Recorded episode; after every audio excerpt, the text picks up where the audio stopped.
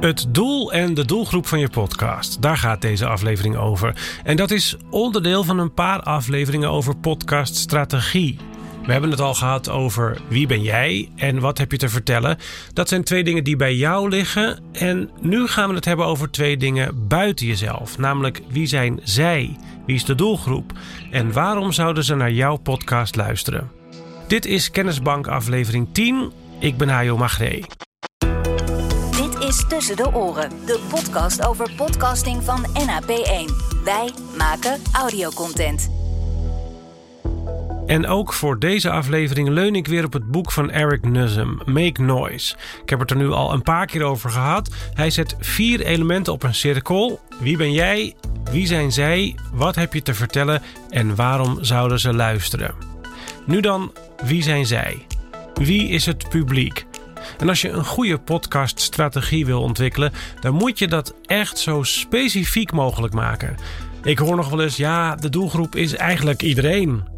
En dat kan niet. Als je het voor iedereen maakt, dan maak je het eigenlijk voor niemand, want dan herkent niemand zich erin.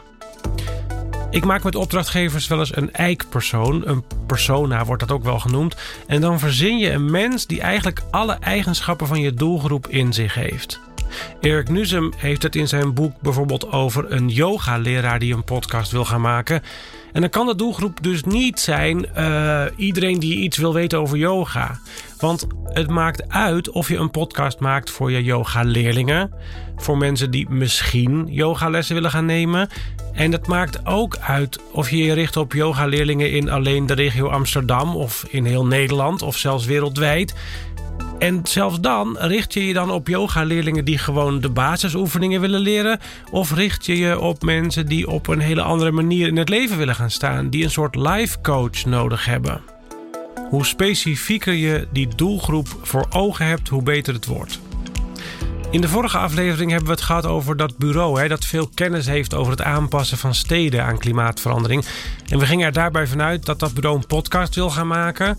En dan zouden zij bij de doelgroep moeten nadenken of ze zich richten op bijvoorbeeld particulieren die hun steentje bij willen dragen aan het tegengaan van klimaatverandering.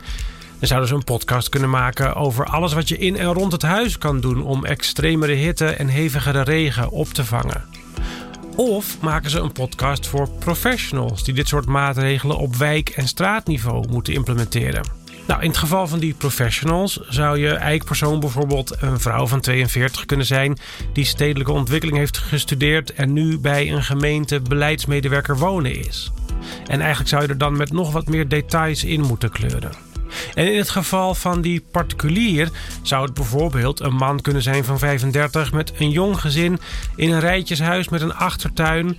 En die heeft een druk gezinsleven en die wil best wel goede keuzes maken voor het klimaat, maar het moet niet te ingewikkeld worden. En als je dat weet, dan maak jij weer andere keuzes in wat je wil gaan vertellen en hoe je het vertelt. En misschien ook hoe lang die aflevering is. En om hem ook weer even op mezelf te betrekken, ik maak deze kennisbankserie voor mensen die podcast willen maken of willen gaan maken en hele praktische tips nodig hebben om te kunnen beginnen of er verder in te groeien.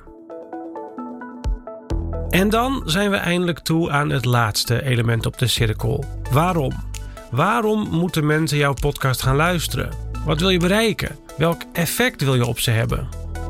Nadat mensen je podcast hebben gehoord, wat wil je dat ze dan denken? Hoe moeten ze zich voelen? Een goede podcast blijft nog een beetje hangen nadat je hem hebt uitgeluisterd. Je denkt er nog wel eens over na. Ben je dan blij, geïnspireerd? Wil je dat je luisteraars boos zijn misschien of verontwaardigd? En wil je dat ze in actie komen na het luisteren van je podcast? Wil je dat ze zich anders gedragen in een bepaald opzicht of tegenover bepaalde mensen? Wil je dat ze een hondje gaan adopteren? Wil je dat ze naar je website gaan om iets te bekijken? Wil je dat ze klant bij je worden?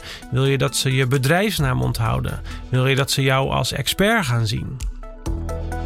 Eric Nuzum werkt dit trouwens niet zo heel erg veel verder uit, maar ik kom erachter dat je dit ook vaak in tweeën kunt splitsen weer. Hè? Je kunt de vraag wat wil je bereiken, kun je opknippen in dingen die jij er als maker mee wil bereiken en dingen die je wil dat de luisteraar eruit haalt. En dat begint natuurlijk eigenlijk bij die laatste. Pas als de luisteraar er iets uithaalt, kun jij er een doel mee hebben of iets mee bereiken. Ik moet dat simpeler zeggen, denk ik. Om het weer even op mijn eigen podcast te betrekken. Ik maak deze serie voor mensen die praktische tips nodig hebben bij het maken van podcasts. Dat zei ik al. En wat ik wil bereiken, waarom ik het maak, is omdat ik het echt leuk vind om mensen op weg te helpen. Dat is wat zij eruit halen. En wat ik eruit haal, nou ja, is dus de lol in het vertellen.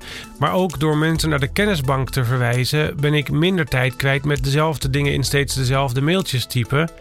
En wat ik er ook mee wil bereiken, is dat mensen NAP1 als een expert gaan zien.